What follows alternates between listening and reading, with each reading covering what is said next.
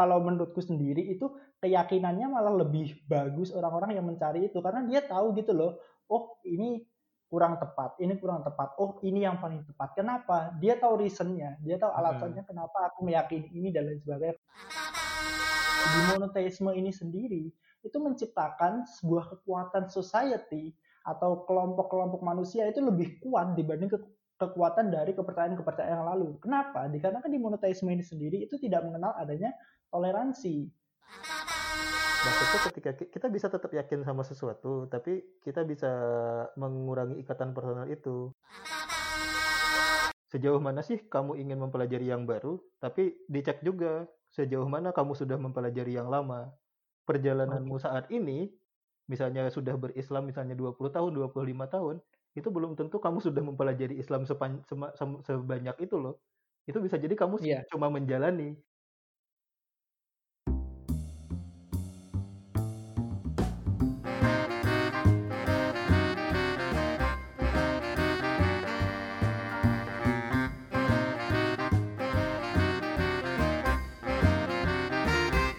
Selamat datang di podcast Our Tusen. Masih dengan saya Hilmi. Saya Reza. Saya Juli. Oke. Kita kembali lagi nih dengan episode baru di podcast Our Tusen. Kita udah lama juga ya nggak take nih? 3 sampai 4 minggu lah ya. Yep. Kita udah nggak ngeluarin episode baru. Apa cups? Wah, Waduh. Apa cups? apa kaps oke okay. um, jadi di 3 sampai empat mingguan kita ya mungkin bisa kasih pembenaran lah ya kenapa kita nggak take video di 3 sampai empat mingguan kita lagi masa uas juga nih beberapa hmm. minggu ke belakang sampai dua minggu jadi kita nggak sempat buat take juga dan editing dan lain sebagainya dah kalian sendiri nih kan kita juga di dua minggu setelah uas kan emang males ya buat take ya atau kalian juga punya kesibukan masing-masing kalian lagi ngapain sih di dua minggu sebelumnya ini? Kan aku jelas-jelas uh, habis uas kan langsung sidang kemarin. Sidang skripsi. Uh, habis itu kayaknya kita oh kemarin si Reza kan sakit tuh. Ja, monggo Ja. Iya nggak usah dijelasin dong yang itu mah. iya. Kenapa? Kenapa tiba-tiba oh ya Reza sakit? Gimana sih? Enggak, maksudku kan aku alasanku habis uas kan ada sidang tuh. Nah, sementara Reza kenapa? Ya kan sidang sakitnya nggak perlu. Iya sidang apa mas? Lo udah sidangnya ini belum dijelasin tuh. Asik. Udah kira stratanya udah beda nih. oh iya, kalian belum berhak mengeluarkan legal opinion ya. Asik. Berarti kita ada bantalan ya Mi. Ada bantalan. Iya, si bener. kan sakit apa, Res? Iya. Iya. Sakit, sakit jiwa. Tulang. Oh, sakit tulang. Umur umur nih kayaknya. umur iya. emang emang iya sih. Angka itu kan ya umur cuma sebatas angka, Mas. Iya, Bisa aja angkanya muda gitu ya, ternyata tua. Iya. angkanya muda ternyata tua. Oke, oke. Bi, ngapain, Bi? Udah kan ya? Iya, iya. Apanya udah? Kesibukannya udah kan ya? Atau apa kesibukan kesibukan lain ada lagi nggak? Kemarin udah staycation kayaknya nih si Reza nih. Iya, emang emang si pelanggar ini itu himbauan pemerintah. Enggak kan transisi.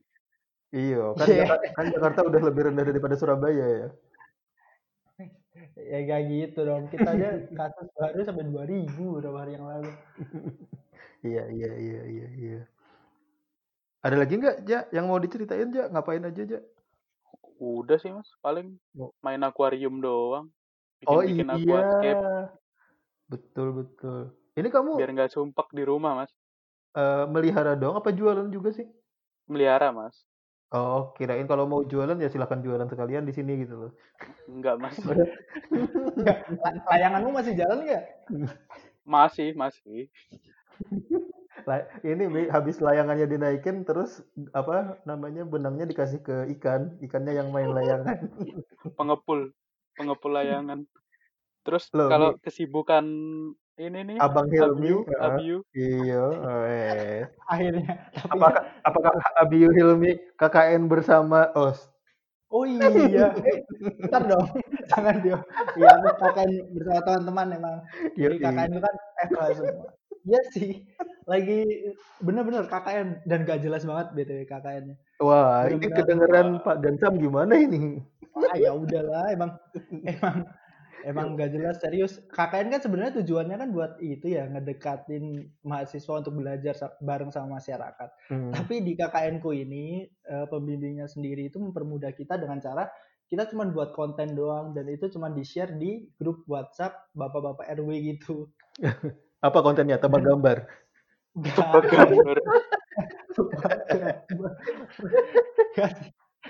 Gak cuman bikin itu apa kayak infografis peraturan tentang apa gitu kan. Panduan new normal atau gimana. Dan itu respon bapak-bapak itu gak ada kan tahu? Bapak-bapak WhatsApp ya? Mas Jul sendiri kan sebagai bapak-bapak ya. WA ya tergantung nah, kontenmu kan lah iya. Enggak juga sih. Jadi dia cuma oh iya mas terima kasih gitu. Jadi biasanya kan kita mengharap kita kan mengharapkan kayak ada yang ditanyakan atau eh, gimana pak? tahu nggak? dia cuma tahu nggak terima kasih gitu. Tahu nggak mi? Terima kasihnya itu pun copy paste loh. Forward forward, forward kan? dari grup lain di forward. Terima kasih mas. Iya sih paling aku cuman sibuk KKN eh sama kemarin aku ini sih. Seneng nggak mi KKN seneng. Seneng nggak? Enggak, enggak juga sih sebenarnya. Kan sekelompok Dan, sama itu di rumah juga. Iya, iya. sih anak-anak Eva semua kan. Jadi oh. anak-anak Eva kan jadi ya kenal gitu. Hmm. nah, apa sih. Ini sih aku kemarin sempat sempat ini aku mau sharing aja. Aku kemarin itu sempat kalau kalian mungkin di masa pandemi kan perlu rekomendasi film ya. Kemarin Asik. itu aku sempat enggak sih aku nggak perlu ya kan pendengar kita barangkali butuh. Kan aku nggak rekomendasi ke kon gila ini kemarin tuh aku habis nonton film dokumenternya si ini Cambridge Analytica. Wide soal, nah, soal apa? kemarin itu nah filmnya itu The Great Hack. Itu film lama sih sebenarnya 2019 kalau nggak 2018 itu jadi mungkin sebenarnya kan aku udah cukup lumayan itu ya aware buat data pribadi hmm. sebenarnya. Dari yang lalu-lalu kayak KTP dan lain sebagainya. Itu yang bahas Facebook itu bukan sih? Iya, oh. kasusnya Facebook. Nah itu di The Great Hack itu jadi benar-benar kalian aku mau nanya dulu kalian pernah nggak kalau misalnya mau gunain satu aplikasi gitu baca term and conditionnya? Tidak dong, ngapain? Enggak dong. Langsung centang kan? Iya. iya.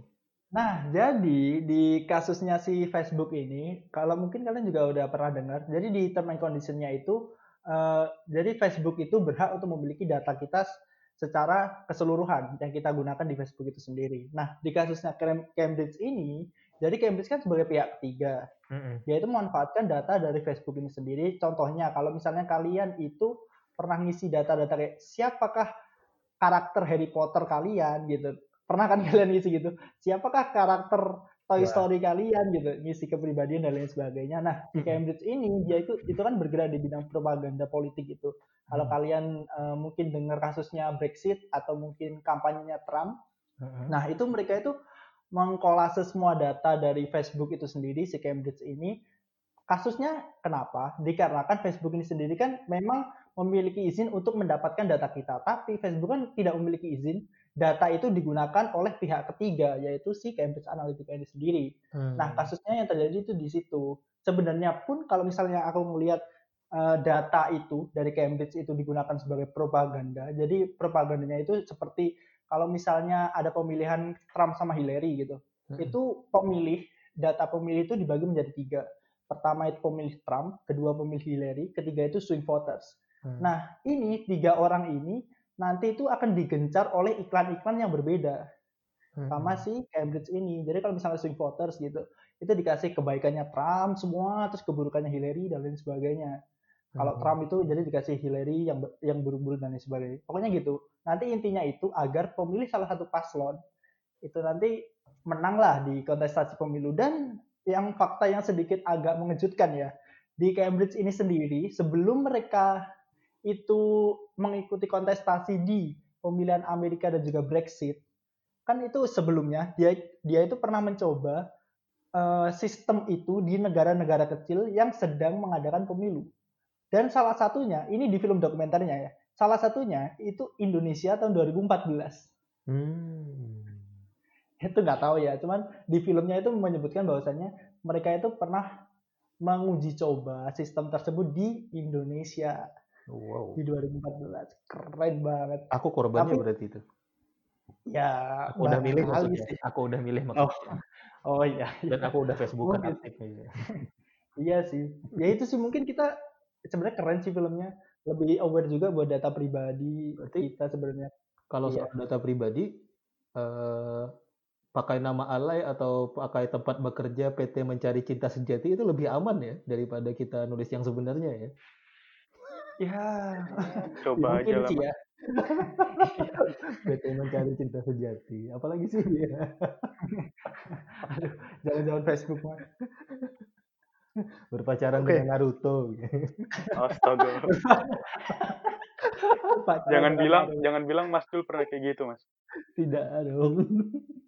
Ya, kita aja baru tahu tidak bilang. email SMA-nya Mas Jul kan. Iya. Hmm. Dan email SMA aku tidak alay dong. iya sih. Gak sih, tapi pakai J kan lumayan alay ya, Res ya. Ya Allah.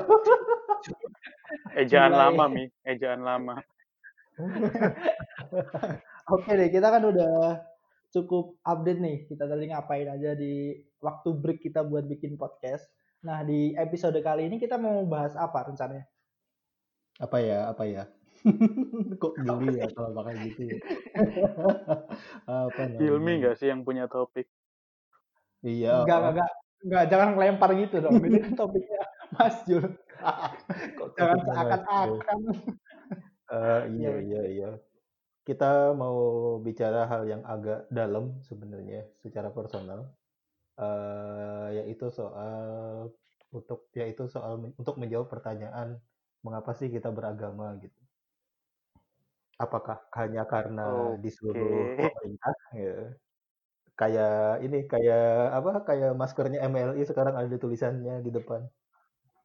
Disuruh pemerintah. Disuruh pemerintah. Karena kan kita tahu ya di Pancasila kan uh, sila pertamanya kan ketuhanan yang maha esa. Nah iya. pertanyaannya kalau secara hukum apakah itu akan berarti setiap warga negara Indonesia harus punya agama atau punya Tuhan? Gitu Gimana kalau secara legal?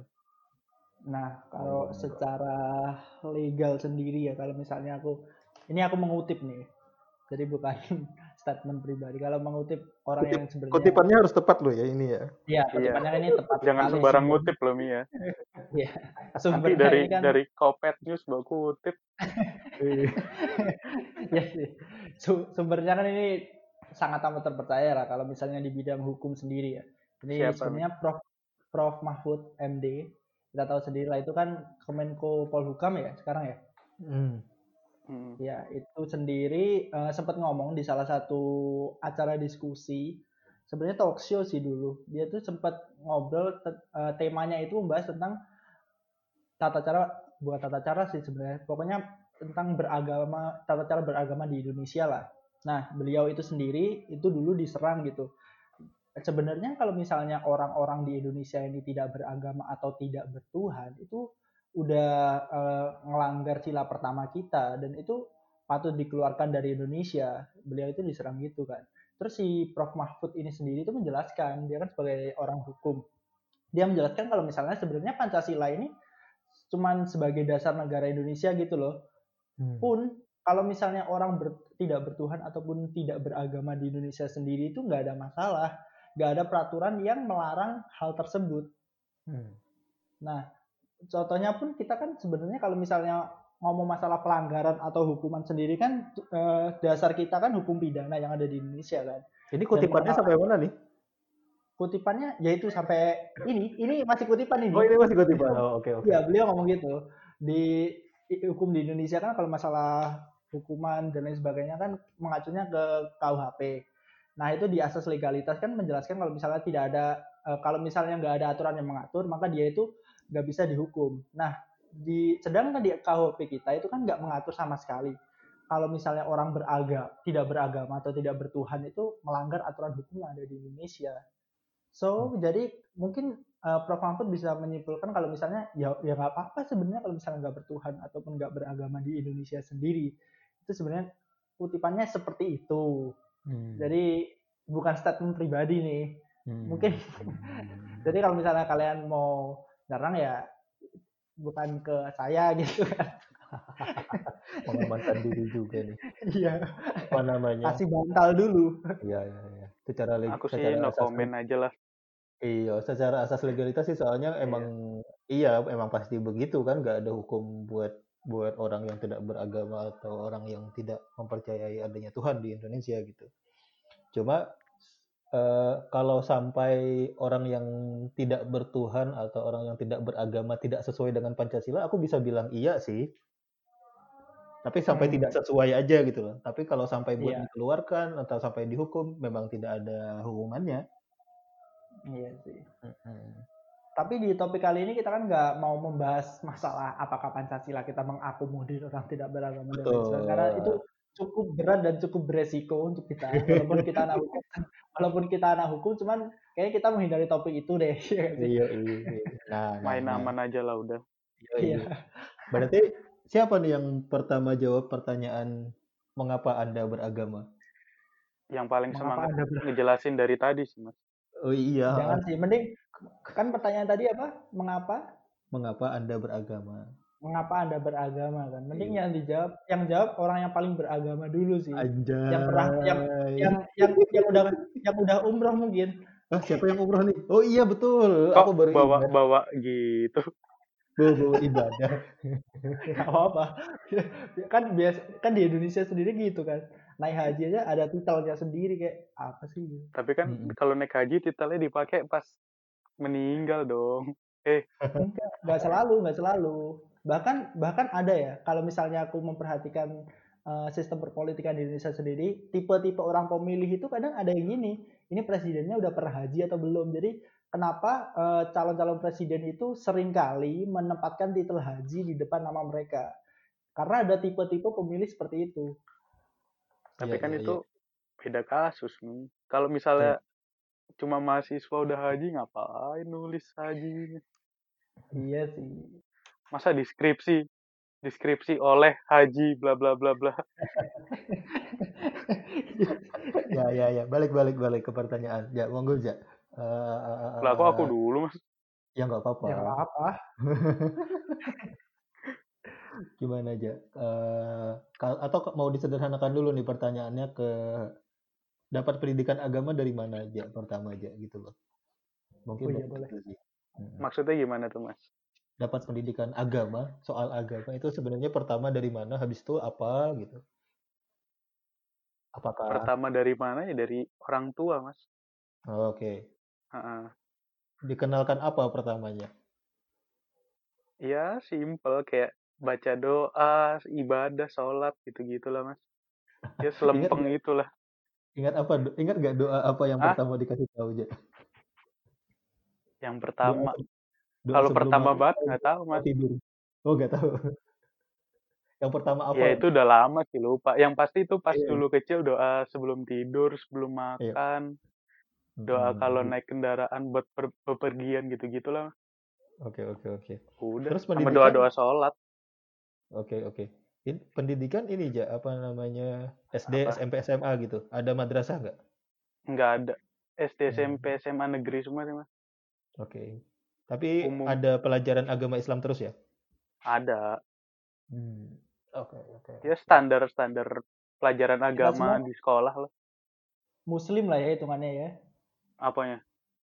Coki, coki. Maksudnya, maksudnya, maksudnya secara secara administratif kan kita semua di kolom agama di KTP kan kita belum Iya, kita sama semua. Iya, kita sama sekolah. Eh, terus ada perjalanan spiritual tertentu gak aja? Pengalaman spiritual tertentu atau apa gitu? Yang menyebutkan ya, ya aku Islam gitu. Pernah atau pernah ragu nggak? Ini bener gak Enggak, sih? Kalau ragu nggak pernah sih mas. Oh, oke okay, oke. Okay. Nah terus apa yang bikin yakin deh? Iya bener. Berarti kan itu kan kamu by default ya maksudnya lahir terus habis itu ya udah kamu dikenalin satu doang kamu nggak mencari yang lain gitu cuman ya hmm. ya udahlah ini aja ambil aja gitu iya. bikin ya, maksudnya kan, Mas Jul apa yang bikin yakin tuh apa yang bikin yakin aku kalau aku Islam gitu Mas uh, apa yang bikin yakin sama agama Islam gitu nah, kan tadi nggak nggak pernah ragu tuh bener nggak sih Islam apa? Kan nggak pernah nih kan nggak pernah nih bener nggak sih Islam ini gitu? Nggak pernah kan? Hmm, nggak nggak sampai mikir ke situ dia mas. Oh gitu. Berarti berpikir ini yakin Islam pun nggak pernah gitu ya? Islam ini benar gitu apa sih mas maksudnya mas? Enggak maksudnya kan tadi nggak pernah ragu Islam ini benar apa enggak terus sebaliknya pernah nggak berpikir Islam ini benar itu kamu merasa Islam ini benar kenapa gitu Oh, nggak nggak nggak mikir gitu sih mas, lempeng-lempeng oh, aja pokoknya aku. Lempeng-lempeng. Yang penting lurus-lurus saya. Uh, ibadah tetap jalan. Iya, nafkah yang masih dikasih orang tua gitu. Iya, ya ya sempet sih mas nyari-nyari duit sendiri mas. Oh iya iya iya iya betul betul betul. Maksudnya masih dikasih tempat tinggal gitu. Mm.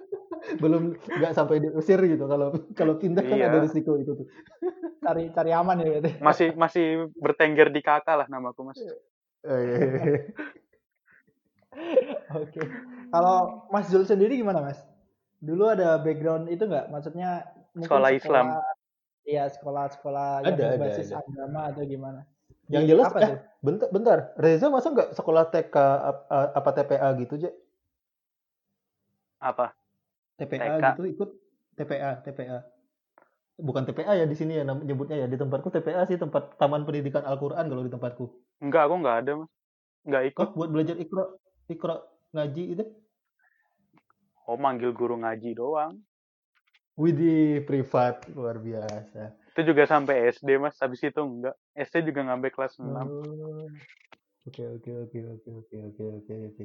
Kalau aku aku lupa sih mulainya kayaknya pas aku TK aku udah bela, ikut ini ikut ikut ikro ya belajar ikro di pesantren pagi TK, sorenya belajar ikro, pas SD itu udah masuk Quran ya berarti ya.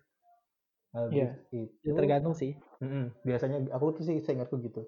Habis itu aku mulai kelas 2 apa kelas 3 SD, aku mulai ikut di pesantren lagi. Jadi kalau belajar baca Qurannya itu Kamis sampai Minggu, Senin sampai Rabunya aku belajar ikut belajar juga di pesantren kayak tauhid, kayak fikih. Apalagi ya? Uh, terus bahasa Arab gitu. Hafalan Mas? Sampai sampai kelas 6 SD apa? Hafalan-hafalan? Hafalan-hafalan ya di pesantren tuh Mas. Uh, uh, uh, sekalian itu di situ juga. Macam-macam pokoknya. Hmm. Jadi aku kan tiga tahun tuh berarti dari kelas 3 SD sampai kelas 5 SD seingatku. Itu macam-macam mata mata pelajarannya Bahasa itu Arab kemauan Mas Jul sendiri apa gimana Mas? Iya, alhamdulillahnya sih gitu. Kemauan sendiri. Sampai okay. Sam, sampai habis lulus SD, aku sendiri yang milih ke pesantren. Jadi habis SD aku ke oh. madrasah uh, ke madrasah sanawiyah di pesantren. Uh, MTS atau pesantren MTS. kan beda tuh. MTS normal Islam Putra. Jadi Enggak, ini kalau pesantren itu ini kan MTS yang di pesantren, Mi. Oh iya, kalau pesantren kan iya. Oh, bukan MTS negeri punyaku. Ini MTS yang di pesantren. Oh, pulang berarti. Maksudnya? Kan kalau pesantren kalau pesantren kayak tetanggaku nih Mas, kan SMP ah. dia pesantren. Ya. Nah, dia tuh kayak nginep di pondoknya terus. Oh, enggak. Aku ini masih pulang pergi, teman-teman ada yang pondokan juga, maksudnya ada yang asrama.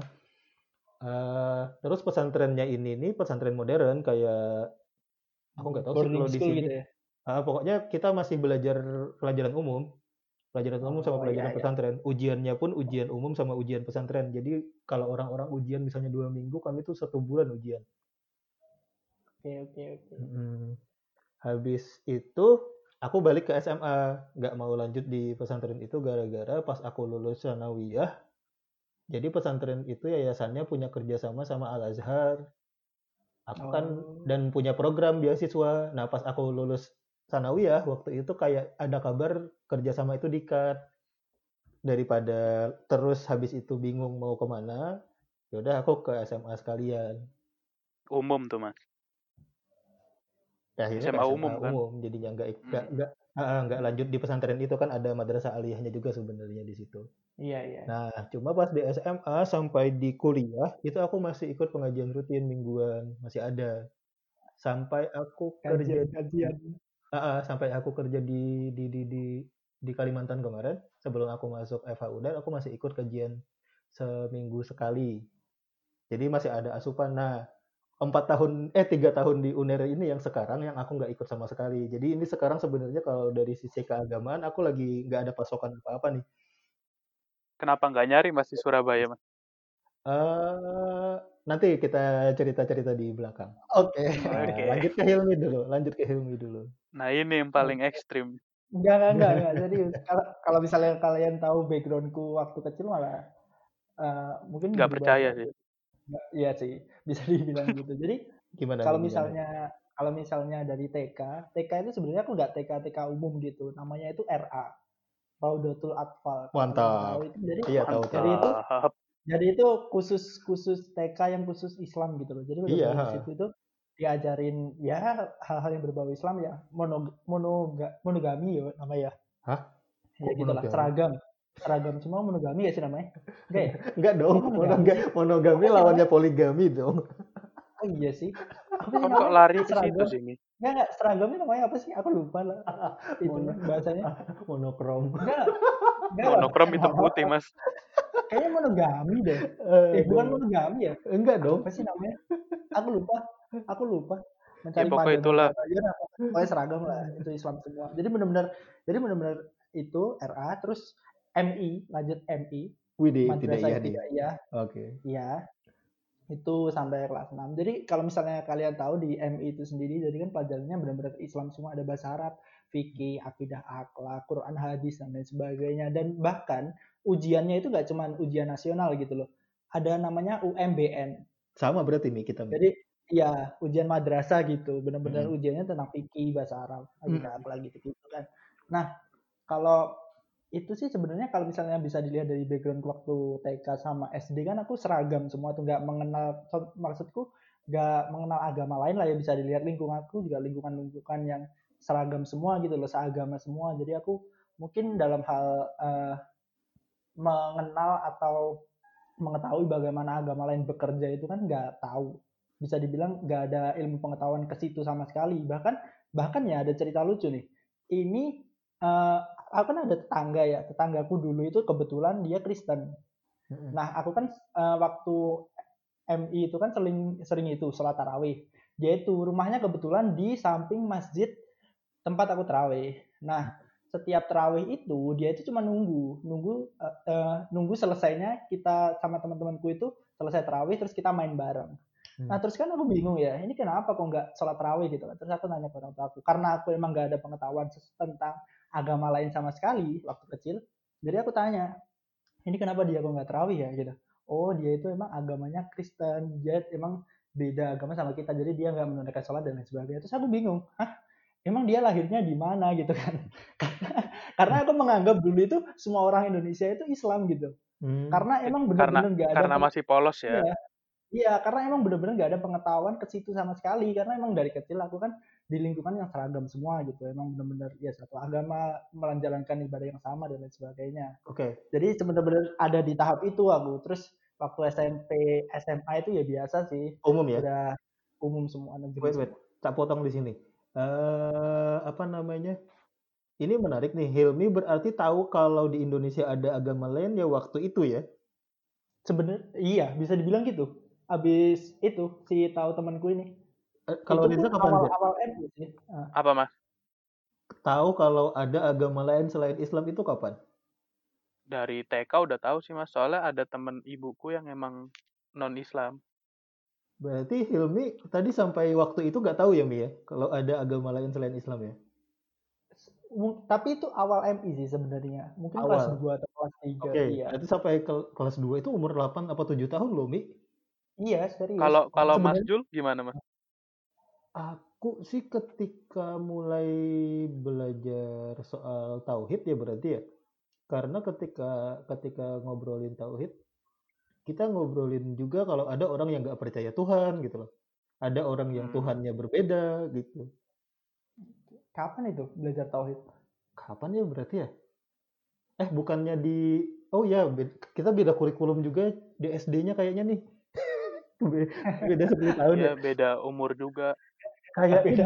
kayaknya di PPKN kelas SD itu kita udah diajarin soal toleransi gitu karena ada perbedaan agama SD PPKN udah sih mas. Gak, udah iya, diajarin toleransi. Mas Jul. Mas Jul namanya apa mas? Masih PPKN aku, masih pakai oh, dua P-nya, masih pakai dua P-nya PPKN. Oh, bukan yang itu zaman orde baru itu apa sih? PMP, aku nggak ketemu PMP. PMP. Oh nggak ketemu. Ah, aku nggak ketemu PMP. Uh, Oke okay, oke. Okay. Lakon dulu PKN kan? Kirain setua itu.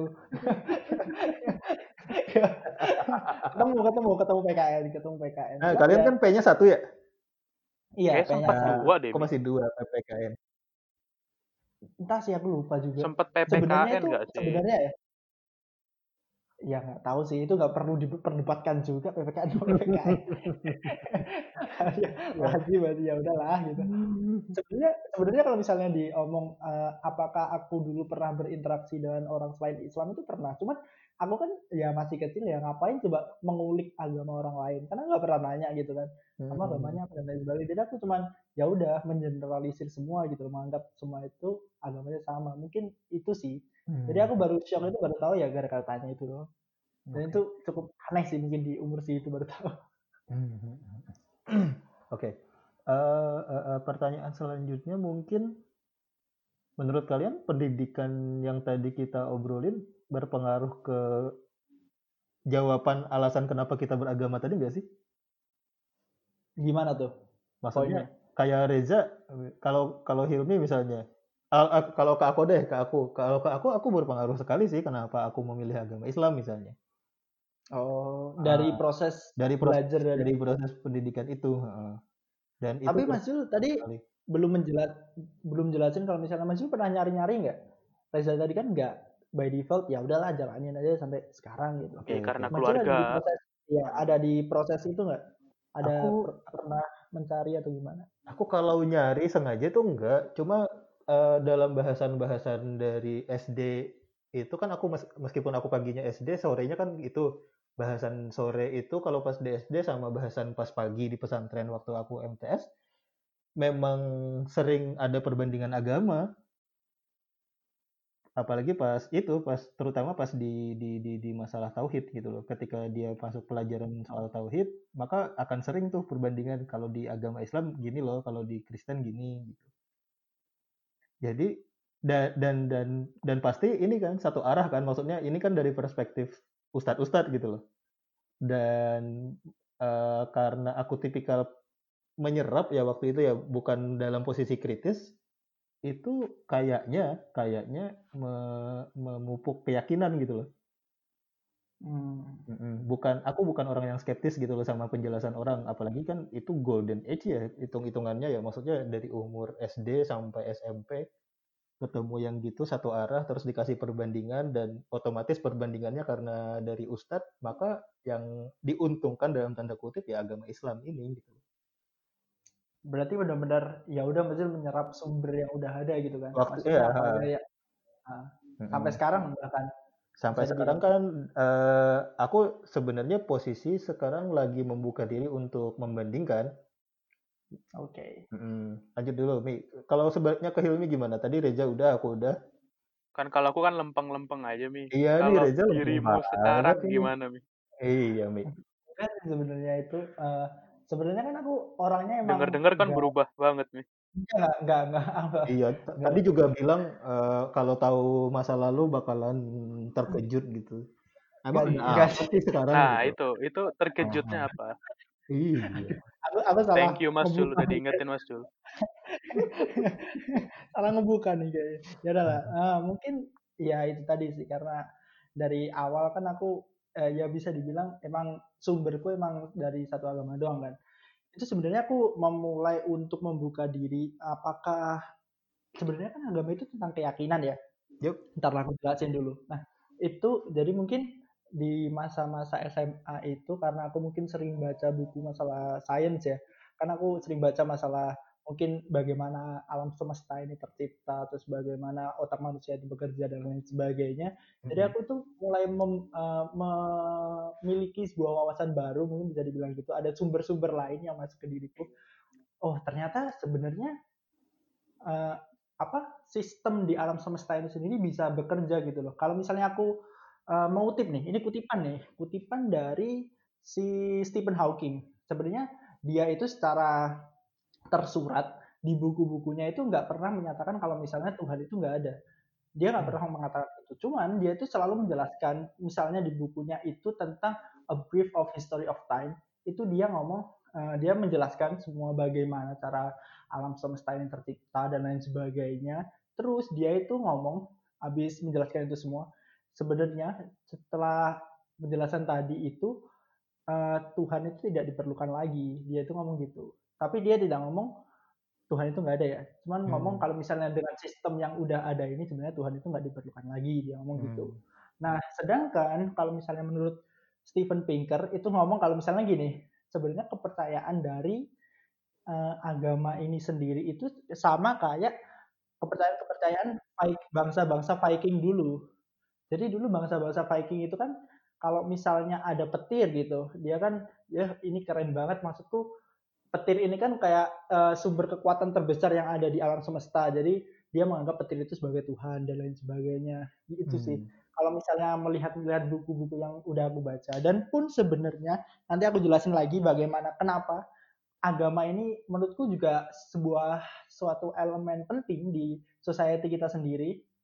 Sebenarnya kalau menurutku juga nggak memungkiri kalau misalnya agama ini salah satu sumber juga perdamaian yang ada di dunia. Kalau misalnya kita bisa melihat dari sejarah dari agama ini sendiri ya kita nggak bisa memungkiri. Dulu kan kalau misalnya kita melihat tatanan masyarakat yang ada di dunia kan kacau tuh banyak perang dan lain sebagainya. Terus muncul suatu agama jadi mungkin ada tatanan baru dan lain sebagainya juga yang membuat mungkin dunia ini lebih adem lah bisa dibilang ya terus di masa SMA itu karena banyak buku-buku itu sendiri terus aku sempat membuka diri. Aku sering sih sebenarnya untuk uh, mengunjungi atau mengikuti, bukan mengikuti sih sebenarnya, cuman observasi gitu doang tentang uh, tata cara beribadah agama lain. Bahkan aku uh, datang ke tempat ibadahnya gitu di beberapa agama dan aku kan sempat melihat ya.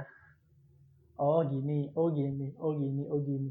Ya udah hmm. gitu doang gitu. Terus aku mungkin nggak bisa tak omongin di sini juga bagaimana kesimpulanku dari beberapa observasiku itu sendiri kan. Karena itu mungkin menyinggung salah satu agama juga. Karena kan hmm. mereka sangat mempercayai itu. Mungkin kan yeah, aku yeah. karena observasi dan lain sebagainya jadi aku bisa mengambil sebuah kesimpulan. Dan itu mungkin menurutku ya harusnya itu eh, orang-orang yang ada di dunia ini sendiri diberikan sebuah kebebasan untuk memilih tata cara beragama gitu loh. Nggak harus by default terus kamu ah ya udahlah kalau orang tua agamanya ini ya udahlah aku ngikutin itu. Emang kebebasan kan, itu nggak ada?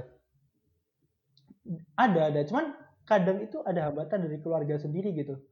Kadang. Dan dan seharusnya kalau menurutku sendiri itu keyakinannya malah lebih bagus orang-orang yang mencari itu. Karena dia tahu gitu loh oh ini kurang tepat ini kurang tepat. Oh ini yang paling tepat. Kenapa? Dia tahu reasonnya dia tahu alasannya hmm. kenapa aku meyakini ini dan lain sebagainya. Kalau misalnya by default kan cuma ya udahlah orang tua aku ini ya udahlah ngikut aja ngikut aja. Tapi dia nggak tahu itu loh kenapa dia menjalani ini kenapa iya, dia iya. menjalani ini gitu. Paham paham. itu sih. Sepakat iya. sepakat kalau di bagian itu. Tapi maksudku bukan uh, uh, uh, uh, uh, bukan nggak ada kebebasan di kita. Iya sih. Uh, uh. hambatannya sebenarnya di ya wajar dong bisa Wajar dibilang lingkar satu. Lingkar apa? Lingkar satu, maksudnya ring satu gitu. Oh, ring satu, iya iya. iya. Dan maksudku uh, itu wajar sih ketika ada hambatan itu. Maksudku ketika kamu, misalnya nih kita bertiga, habis itu tiba-tiba ada yang keluar bakal chaos dong. Maksudnya kita bertiga di podcast ini gitu loh. Ada yang keluar chaos dong, wajar dong. Um, sebenarnya itu ini sih um, aku agak lumayan takut sebenarnya mengeluarkan ini. Cuman uh, oke okay lah mengutip lagi uh, pendapatnya si Stephen eh bukan Stephen Pinker sih, si Yuval Noah Harari.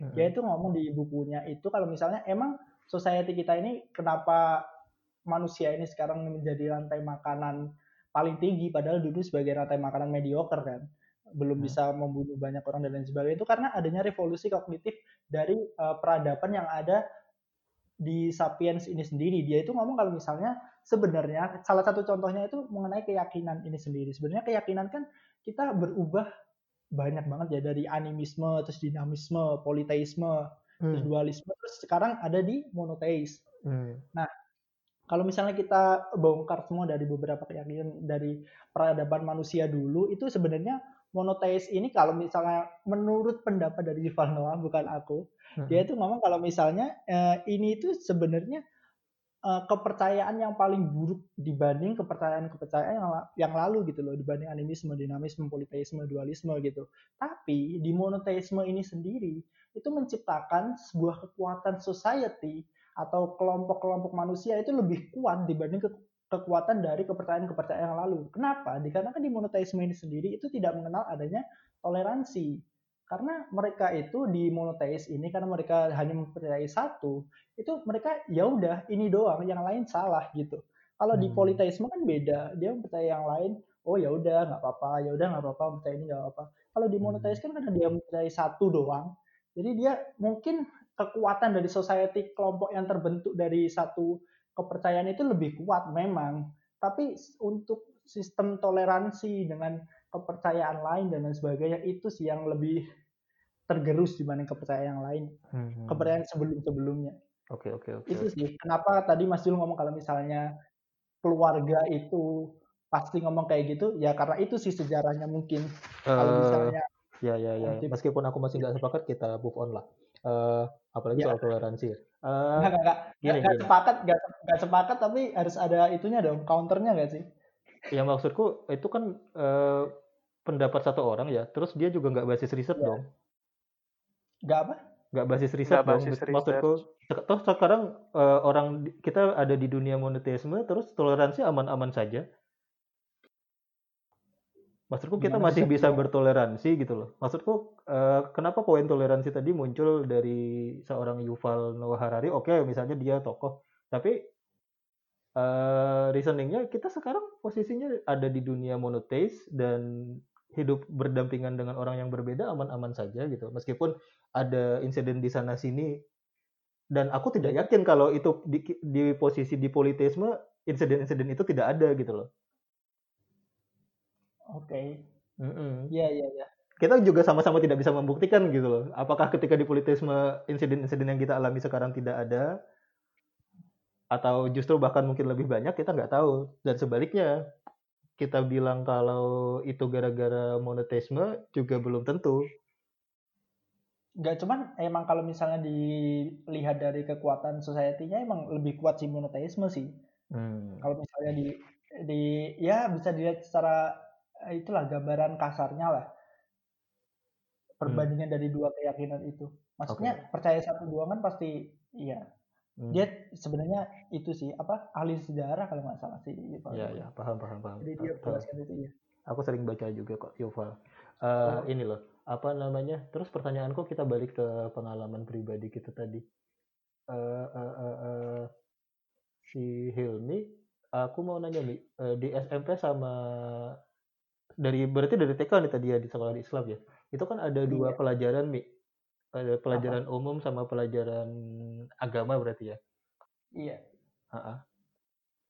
Kamu lebih baik di pelajaran mana Mi? Uh, jangan salah. Aku agama. mau nanya, ini aku mau nanya. Iya. Kok jangan kan salah? ya kan seakan-akan kan aku tadi menjelaskan seperti itu aku nggak mungkin mungkin ada yang berpendapat seperti itu tapi uh. Uh, sebenarnya kalau misalnya dibilang gitu lebih baik di pelajaran agama. Okay. Pernah ya, pernah pernah aku sekali itu. Ini agak konyol sih sebenarnya di kelas 4 atau kelas 5. Itu hmm. waktu UAS. Itu mungkin hari Senin ya. Hari Senin itu belajar Quran hadis. Hmm. Karena belajar Quran hadis dikarenakan Selasa Selasa kalau misalnya kan aku dulu itu kan dituntun sama mamaku. Mamaku itu ngomong, "Oh, Selasa Quran hadis." Ya udah aku belajar Quran hadis. Ternyata waktu sampai sekolah pelajarannya itu akidah akhlak. Hmm. Terus kalau nggak belajar sama sekali ya. Ya udah kerjain, kerjain, kerjain. Pas keluar nilainya 100 gila gak? Aku shock sih itu. Jadi kayak oh, oke okay, keren juga. gak, juga gak sadar gitu. Jadi oke okay, keren keren gitu. Padahal nggak hmm. belajar. Iya iya. Reza pengalaman sama Apa, pelajaran mas? agama gimana aja di, di sekolah aja? Aman-aman aja kah atau ada posisi aman-aman tuh apa nilainya apa semua materi mas entah nilai entah sama guru pernah ada masalah gak guru agama gitu kalau nggak pernah sih mas agama hmm, paling okay. ya lemahnya tajwid tajwid oh dibaca kok berbacaan ya mm -mm. Hmm. Aku Lebihnya sih ya nggak ada. aman ya. Aku sih waktu pertama masuk SMA, entah ujian, eh entah ulangan ya namanya ya kalau di SMA ya. Apa tes Ulangan, ya? Mas. Ulangan, ya namanya ya, ulangan ya kalau SMA ya. Nah, ulangan agama pertama atau kedua gitu aku remedial. Padahal aku lulusan pesantren. aku agak bermasalah sama guru agamaku di kelas 1 SMA sih. Yang yang bisa buat Mas Jul remedial apa, Mas? aku lupa itu kenapanya. Cuma ya bukan ya karena bandel kan sama guru. Bukan. Pokoknya setelah itu beres itu cuma satu kali satu kalinya remedial di agama gitu ya. Oke. Okay. Oke, okay, terus. Ini kok ini kok anak Raha anak Raha kan tempat ini kok tempat pesantrenku yang pesantrenku sebelumnya. Iya. Ini kok anak Raha bisa remedial ini kata teman-teman remedial agama. itu. Hmm. Tapi aku itu buruk di itu sih bahasa Arab sebenarnya. Karena aku emang nggak bisa sama sekali ya. Maksudnya bahasa bahasanya tuh aneh banget gitu loh. Bukan aneh sih astagfirullah bukan aneh mas. Aku baru mau nanya kamu merasa kan, anehnya di mana?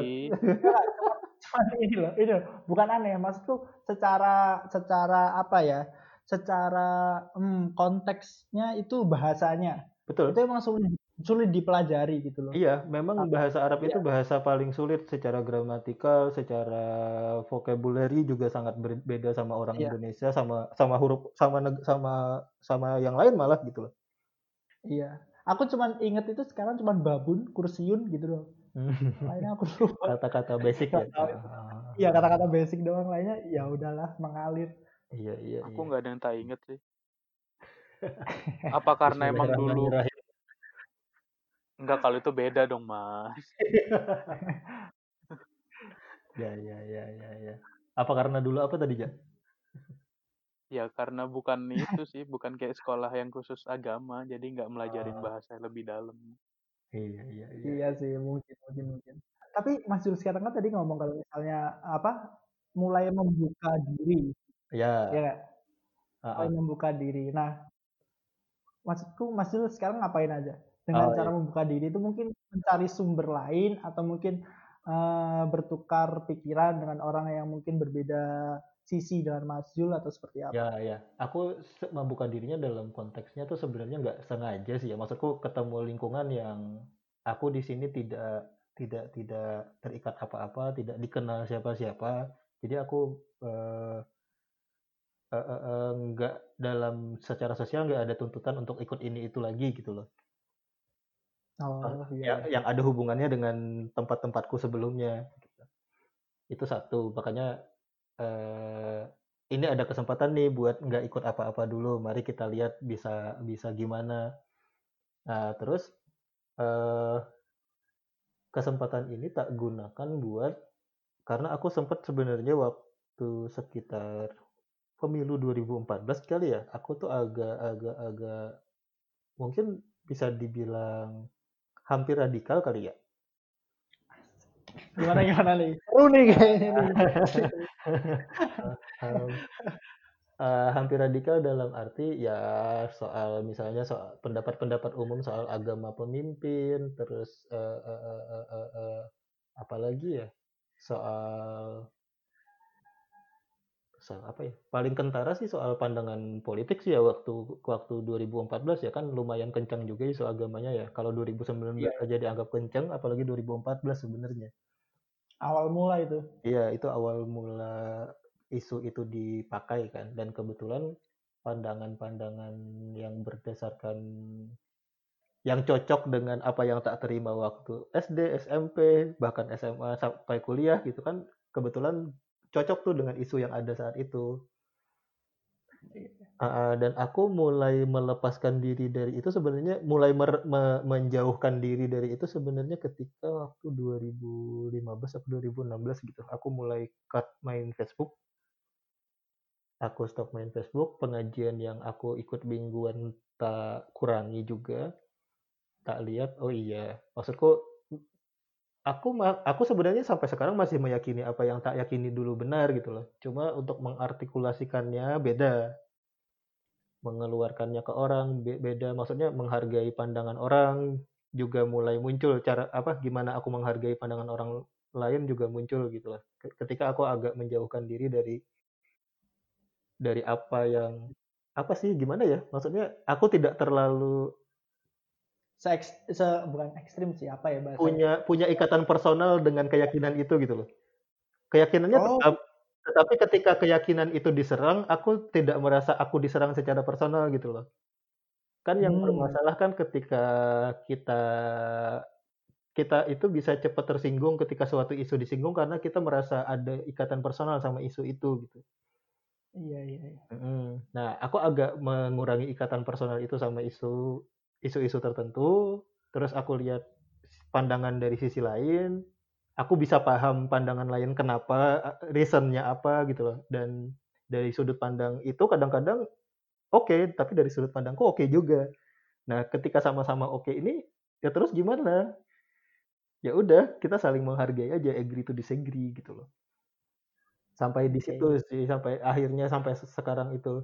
Nah yang yang yang yang gimana ya aku jelasinnya ya hmm, hmm, hmm, ini nggak bentar dulu aku mau nanya bentar ya tak potong ya, ya. dulu oke okay. tadi dari penjelasan penjelasan Mas Jul yang eh, sebelumnya hmm. tadi kan mengakui sendiri kalau misalnya ada keterikatan gitu kalau misalnya uh, hmm. mungkin bisa dibilang meyakini sesuatu lah ya yeah. nah terus uh, kalau misalnya ada mungkin ada salah satu kritikan atau hal apa pun itu yang uh, mungkin menyinggung kepercayaan yang dianut itu kan ada salah satu rasa buat oh nggak gini, oh nggak gini gitu kan. Hmm. Ada rasa untuk counter atau uh, menjatuhkan orang yang mengkritik atau memberi saran itu sendiri. Nah itu sebenarnya apakah tidak memperkuat hal yang tak omong tadi, yang Mas Jul udah bantah kalau misalnya monoteisme ini sendiri sebenarnya menutup pintu untuk melakukan bukan menutup pintu untuk melakukan sih, menutup pintu untuk uh, berbuat atau menghargai keyakinan-keyakinan yang, yang dimiliki oleh orang lain itu sendiri? Uh, karena poinnya adalah bukan di keyakin bukan di keyakinan ya maksudnya bukan di agamanya masalahnya.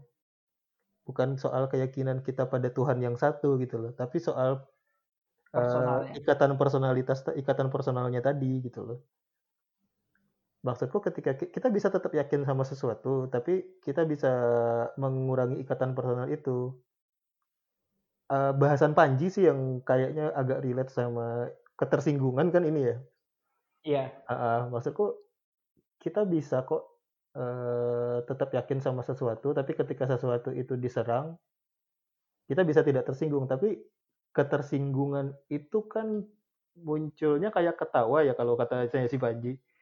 Iya. Uh, maksudnya kita bisa aja tiba-tiba ketawa karena sesuatu habis itu mikir kenapa aku ketawa ya?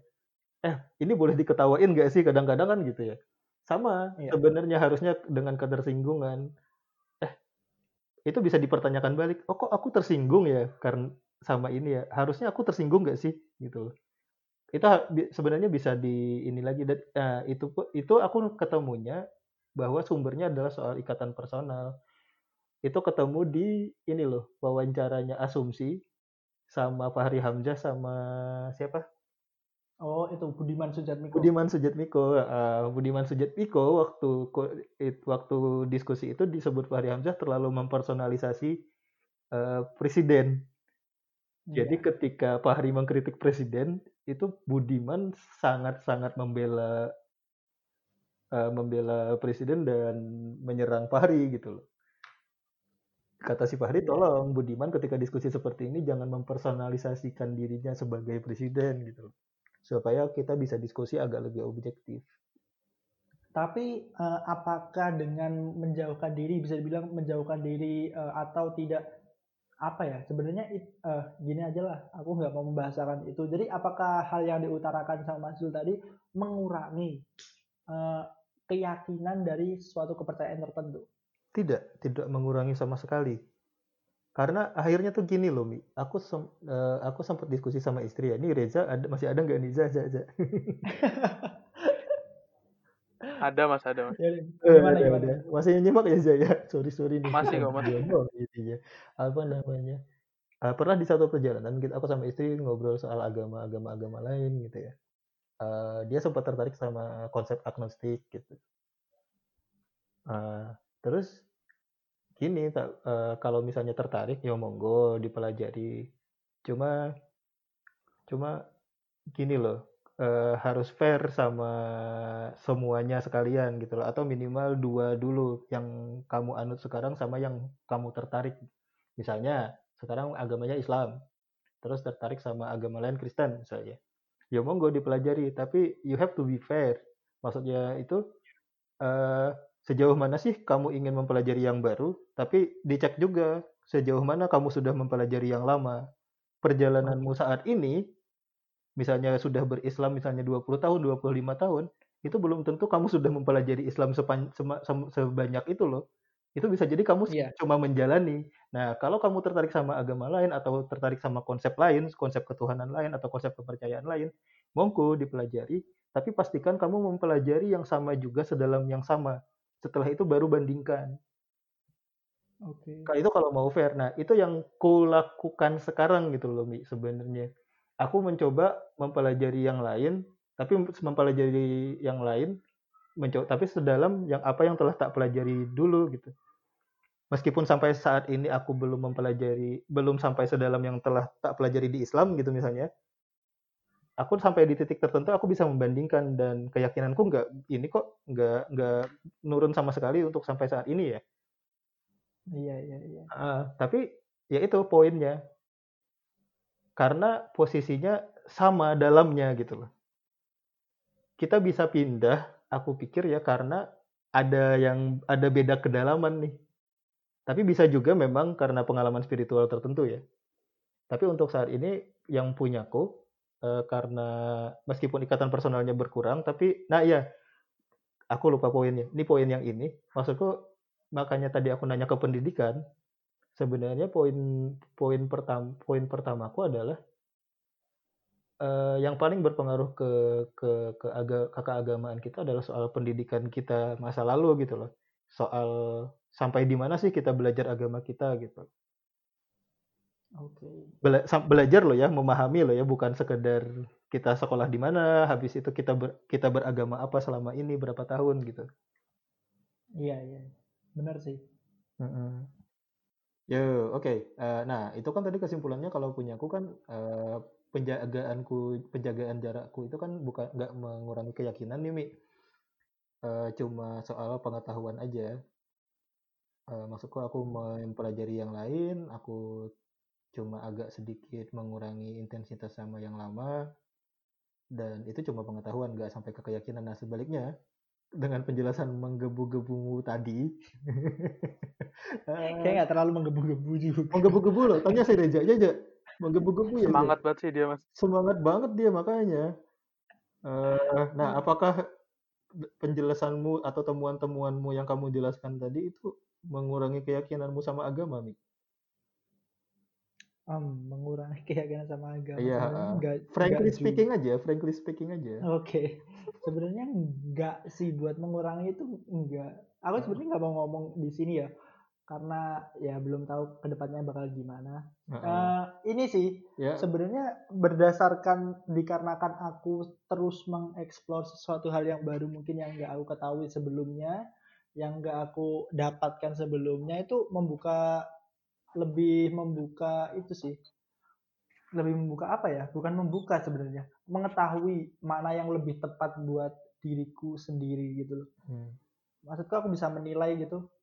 Dan langsung nggak kan biasanya kalau misalnya kita mungkin kita nggak tahu sesuatu gitu kita cuma dapat dari satu sumber terus sumber itu ngomong kalau misalnya eh itu salah itu salah.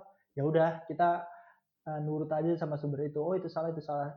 Tapi dikatakan aku udah mengetahui oh yang ini begini yang ini begini. Jadi aku mungkin nggak lebih nggak nggak kayak orang-orang kayak gitu gitu loh. Sering ngejudge tanpa mengetahui terlebih dahulu sebenarnya uh, ajaran itu seperti apa gitu. Hmm. karena hanya memiliki satu sumber. Mungkin itu sih yang bisa tak dapetin dari eksplorasi itu tadi.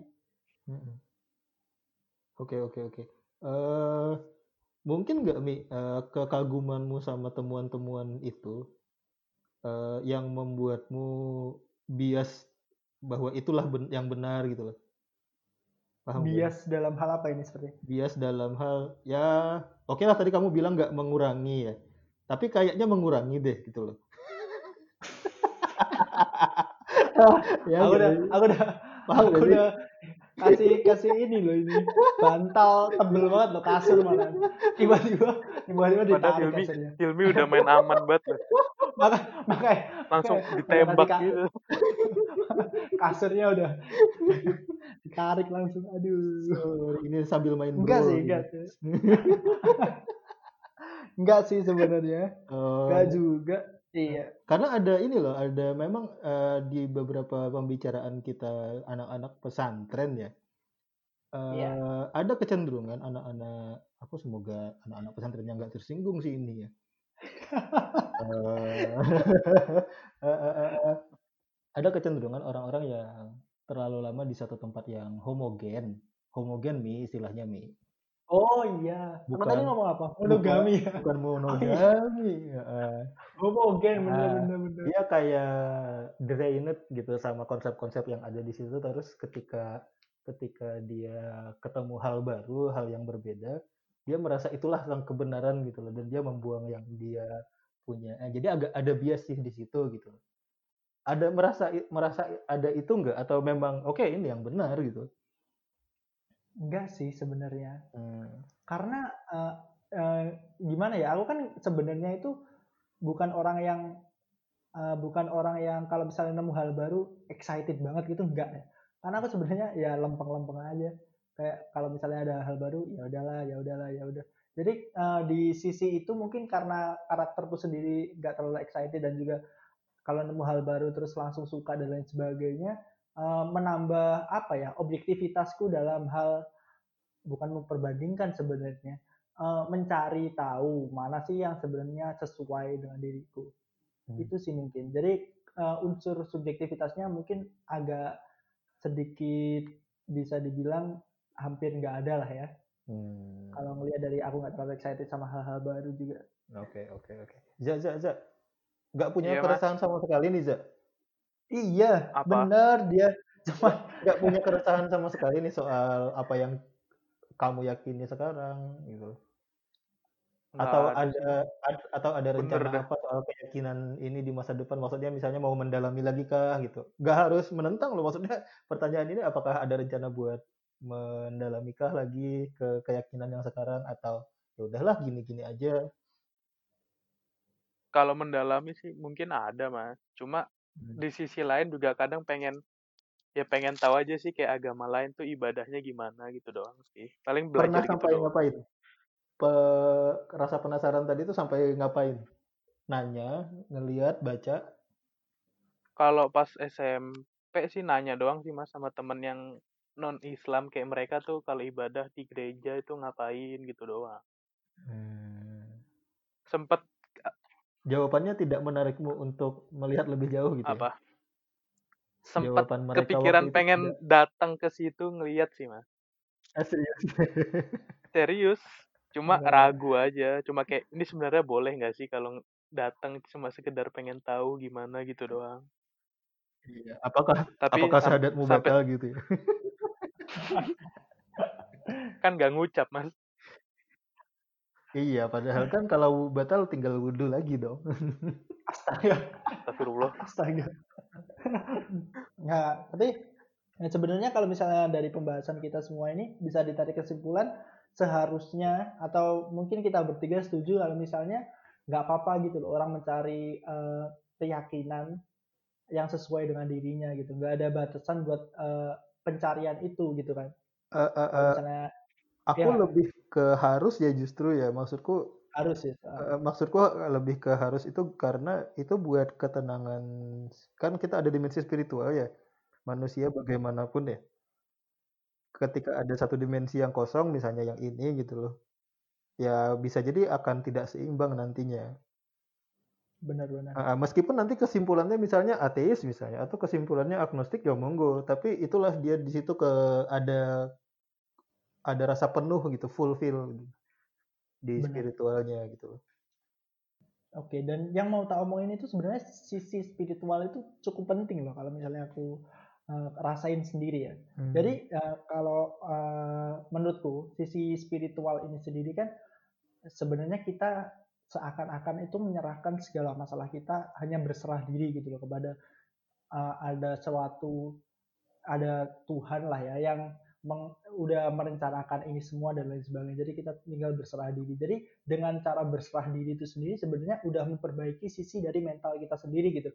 Ya udahlah sebenarnya ini semua udah diatur. Padahal uh, kalau misalnya kita nggak ada sisi spiritual, spiritual itu sendiri, kita terus mikir tuh, oh ini harusnya gini, ini harusnya gini aku harus gini harus gini harus gini tapi karena kita udah mempercayakan semua kepada Tuhan udah tahu kalau misalnya oh ini semua udah diatur dan lain sebagainya kita menjalani itu ya udah let it flow aja kadang dan itu dan itu dan itu mungkin hal bagus kalau menurutku hal bagus tapi kalau misalnya um, menurut Karmal itu ngomong kalau misalnya dia itu mengatakan kalau misalnya agama ini sendiri menghambat orang yang susah atau orang yang kelas bawah lah untuk naik ke kelas yang lebih tinggi karena berserah diri itu sendiri. Jadi seakan-akan hal yang dia uh, alami sekarang itu udah ditentukan oleh Tuhan. Jadi dia memiliki apa ya? Memiliki tembok yang tinggi untuk uh, ngedobrak bahwasannya aku kalau misalnya berusaha lebih keras atau berusaha lebih giat mengetahui bagaimana tujuanku nanti dan bagaimana caranya aku melangkah ke tahap itu itu uh, apa apa namanya ya final stage atau tujuan yang akan kamu capai itu lebih tinggi dibandingkan kamu percaya akan suatu kepercayaan dan menyerahkan itu semua kepada Tuhan. Itu menurut pendapat Karl Marx. Ini bukan pendapatku sendiri. Itu sih kalau misalnya aku uh, hmm. mau menyampaikan aja. Aku sih uh, masih uh, again sama pendapat itu ya tetap ya. Soalnya ya. pertanyaannya balik lagi, apakah ketika agama tidak ada orang tidak seperti itu itu tidak bisa dibuktikan okay. karena ada orang yang malas iya. saja memang um, iya sih ya ya ya. Kalau kalau misalnya kalau misalnya masalah itu aku setuju.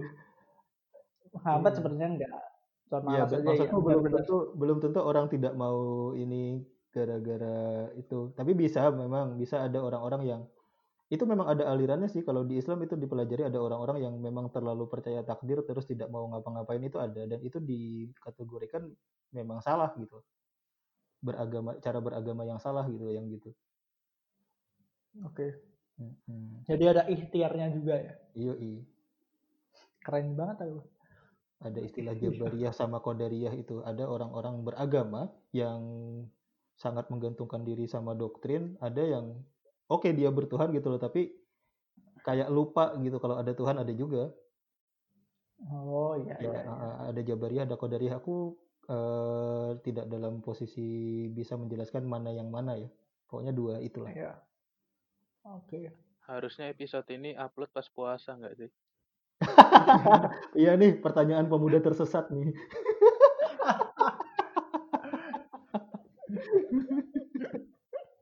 Serius banget, gila. Cuman, cuman, cuman, cuman iya sih. Aku, uh, aduh, I'm slain. Apa apa. Sorry. Enggak, uh, gini gini. Uh, tapi ya bisa dilihat dari pendapat-pendapat kita kan semua menyetujui adanya agama yang ada di dunia kan sebenarnya tatanan tatanan dunia ini sendiri sebenarnya bisa menurutku bisa kacau sih kalau misalnya nggak ada agama kalian menyetujui itu nggak? Hmm. Ya tujuan apa Mi? Kalau nggak ada agama bakal kacau. Iya. Aduh, gimana ya? Aku tidak hmm, tidak tidak tidak apa ya maksudnya ya. Kalau dari segi bahasa sih iya ya, agama kan berarti tidak kacau ya. Berarti kalau tidak ada dia, maka kacau gitu kan. Kalau dari segi iya. bahasa kan Mas. dari segi bahasa. Cuma aku merasa pertanyaan itu kayaknya tidak valid deh. Kenapa? Uh, maksudku buat apa ada pertanyaan itu jelas-jelas sekarang ada agama iya. terus uh, aku nggak bisa aku tidak membayangkan mm, mm, mm, ada dunia tanpa agama sih maksudku ya udah gitu loh dunia sekarang ada agama buat apa dibikin kemungkinan itu hmm ya kan ada ada kemungkinan semua hal ya ya udahlah nggak usah dibahas lah ya udah udah udah, udah. aku ngomong zaman itu sih peradaban dinosaurus oh mungkin. zaman itu ya ya ya ya ya ya, ya. iya, iya. Peradaban, Cuman, eh, peradaban. karena oke.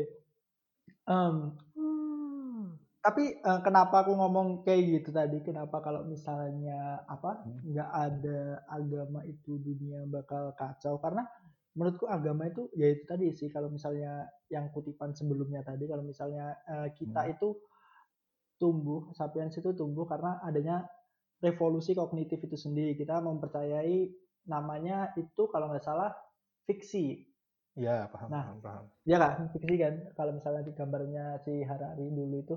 Jadi ngomong kalau misalnya sebenarnya keyakinan-keyakinan kayak negara agama terus habis itu kelompok-kelompok itu kan masuk ke realita intersubjektif.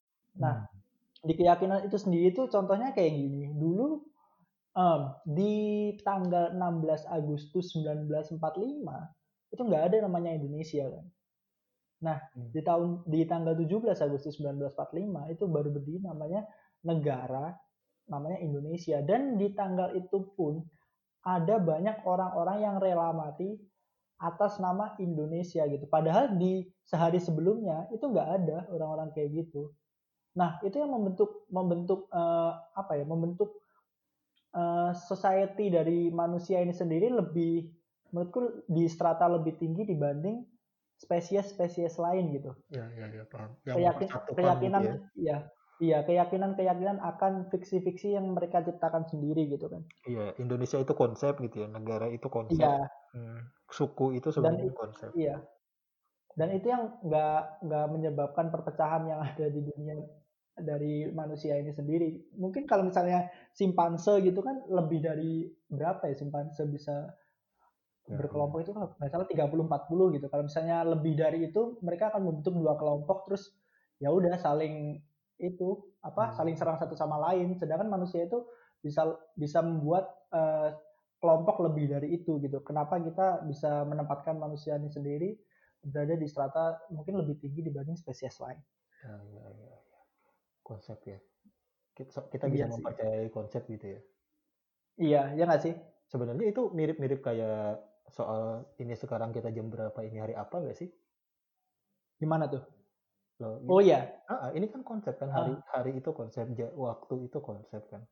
Dan kita percaya benar. itu demi keteraturan kita kan. Iya benar sekali. Kalau kita udah nggak percaya sama waktu hari ya udah kan kacau kan.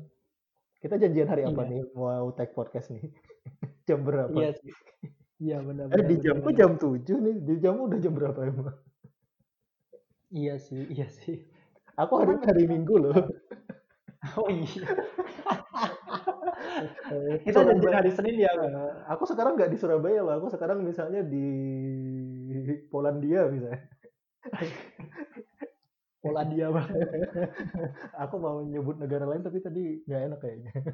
Oh. Eh, ya kan maksudku konsep-konsep itu memang diperlukan sih mungkin. Dan kita Iya mempercayai sih. Em, cuman yang lebih unik kalau misalnya kita ngelihat lebih dalam lagi ya, kenapa konsep itu konsep itu tercipta itu karena eh, kan sebenarnya ya tadi revolusi kognitif terus tumbuh juga kemampuan kita untuk apa namanya eh, bahasa verbal lah intinya. Hmm. Jadi kita bisa berkomunikasi dengan orang lain dan lain sebagainya. Itu semua kan tercipta eh, setelah adanya api kan. Setelah adanya api, jadi dulu itu manusia kalau nggak salah itu eh, harus mengunyah makanan sebelum ditemukannya api. Mengunyah makanan itu sehari mungkin 7 sampai 10 jam lah. Hmm. Bisa dibilang gitu sebelum ada api karena ya kan daging alot banget terus habis itu daging hewan dan lain sebagainya. Terus setelah menemukan api ini sendiri, Hmm. manusia itu cuma memerlukan mungkin 1 sampai 2 jam lah buat makan karena mungkin dagingnya lebih lunak dan lain sebagainya. Nah, itu kan ada sisa waktu tuh dari 7 sampai 10 ke Betul. satu ke 2. Betul Nah, Jadi- manusia kita- itu di Nah, ya di sistem itu kenapa ngapain ngapain lagi kalau misalnya makan udah dipersingkat waktunya panjang banget ya udah ngobrol itu. Nah, maka Iya. dari itu setelah sisa-sisa waktu bertahan hidup ini ya Nah, sisa-sisa waktu bertahan hidup itu setelah berjuta-juta tahun kita memiliki mungkin pembendaharaan bahasa yang sangat-sangat besar gitu. Sehingga sebenarnya bahasa verbal ini sendiri itu kayak di apa namanya sing top- topeng monyet itu namanya apa sih? Aku lupa. apa? Makaka ya. Aku kalau itu namanya dengar. maka apa Aku nggak pokoknya pernah kayak jenis spesies monyet gitu. Dia itu sebenarnya punya pembedaraan kata. Itu hampir berapa ratus kata gitu. Nah salah satunya itu digunakan untuk tipu daya. Jadi kalau misalnya mereka mungkin di satu kelompok itu di hutan gitu eh ada elang gitu padahal nggak ada elang cuman dia melakukan itu agar makanannya itu dia sendiri yang makan gitu. Jadi sebenarnya bahasa verbal ini digunakan paling sering malah untuk berbohong.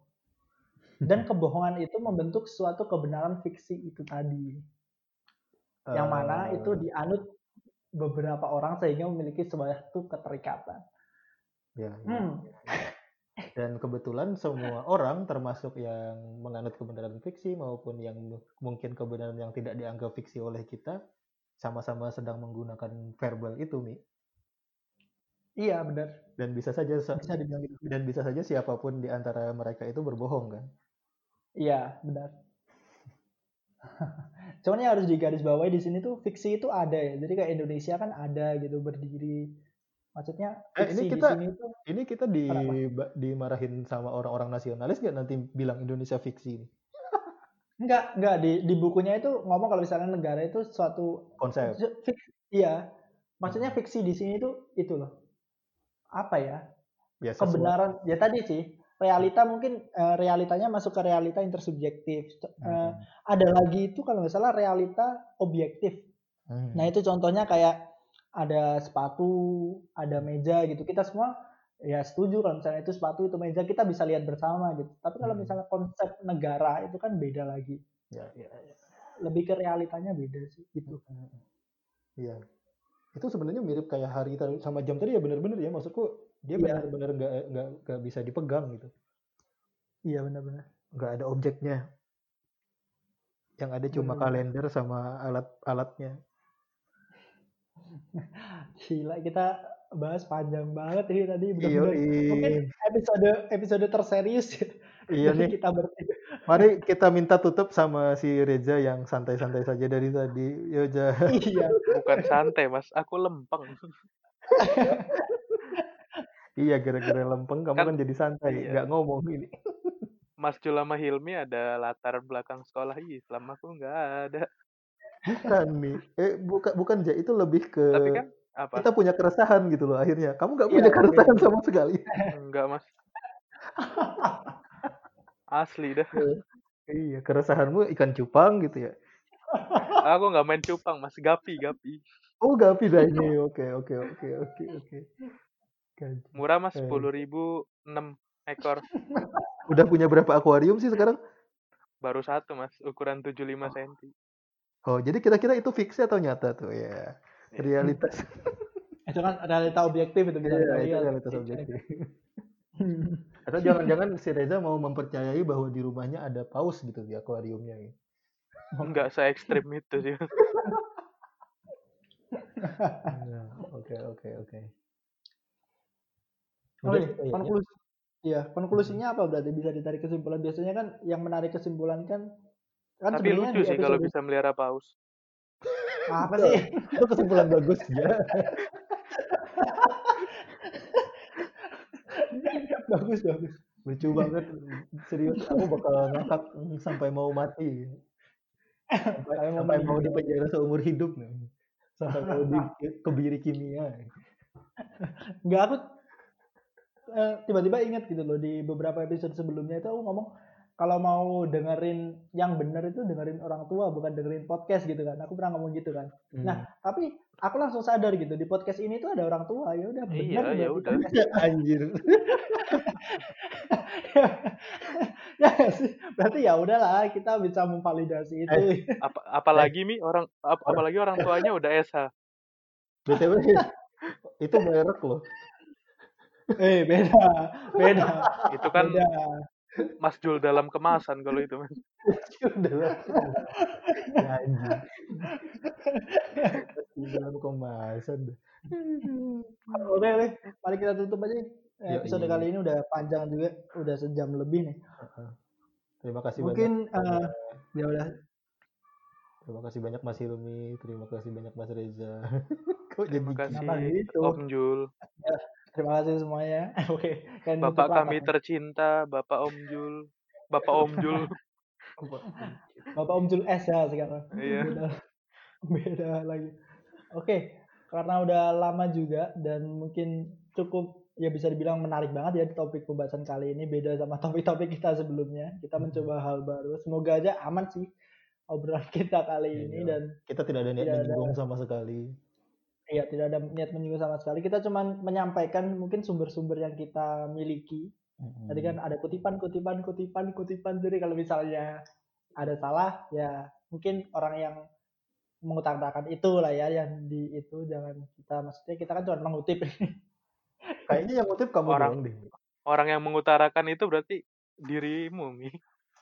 Bukan, maksudnya tadi kan aku cukup yang ekstrem. Ya udah, udah, udah, udah, udah, udah. Ya udah ya. Oke. Oke. Eh, dan jangan lupa buat itu follow Instagram kita.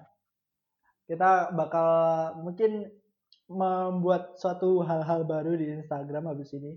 Mungkin kita bisa buka itu Q&A di Insta Story. Boleh, boleh, Atau- boleh. Ya, mungkin usul Masukan buat bahasan baru. Iya, mungkin itu bisa. Maksud itu kita sebelum buka itu kita buka Q&A, pendapat kalian gimana dan sebagainya. Di at podcast hour to send. Kita cuma ada di Instagram doang. Sendnya pakai S di belakangnya. Sama ada di Spotify dong. Iya sih. Banyak sih sebenarnya kita platformnya Ya di ya Spotify, udah. Google Ah, ah. Podcast dan lain sebagainya. Di cuma- yang nggak ada cuma di Kura-Kura FM sama Penyung FM. Apa itu? Apa itu? Ah, Ilmi- kurang ya. Kurang. Ilmi OTW bapak-bapak. Iya, iya. Oke. Oke, mungkin cukup dulu di episode kali ini. Bye bye. Kok kalian diem? Bye bye. Bye. Nge-lag cuy.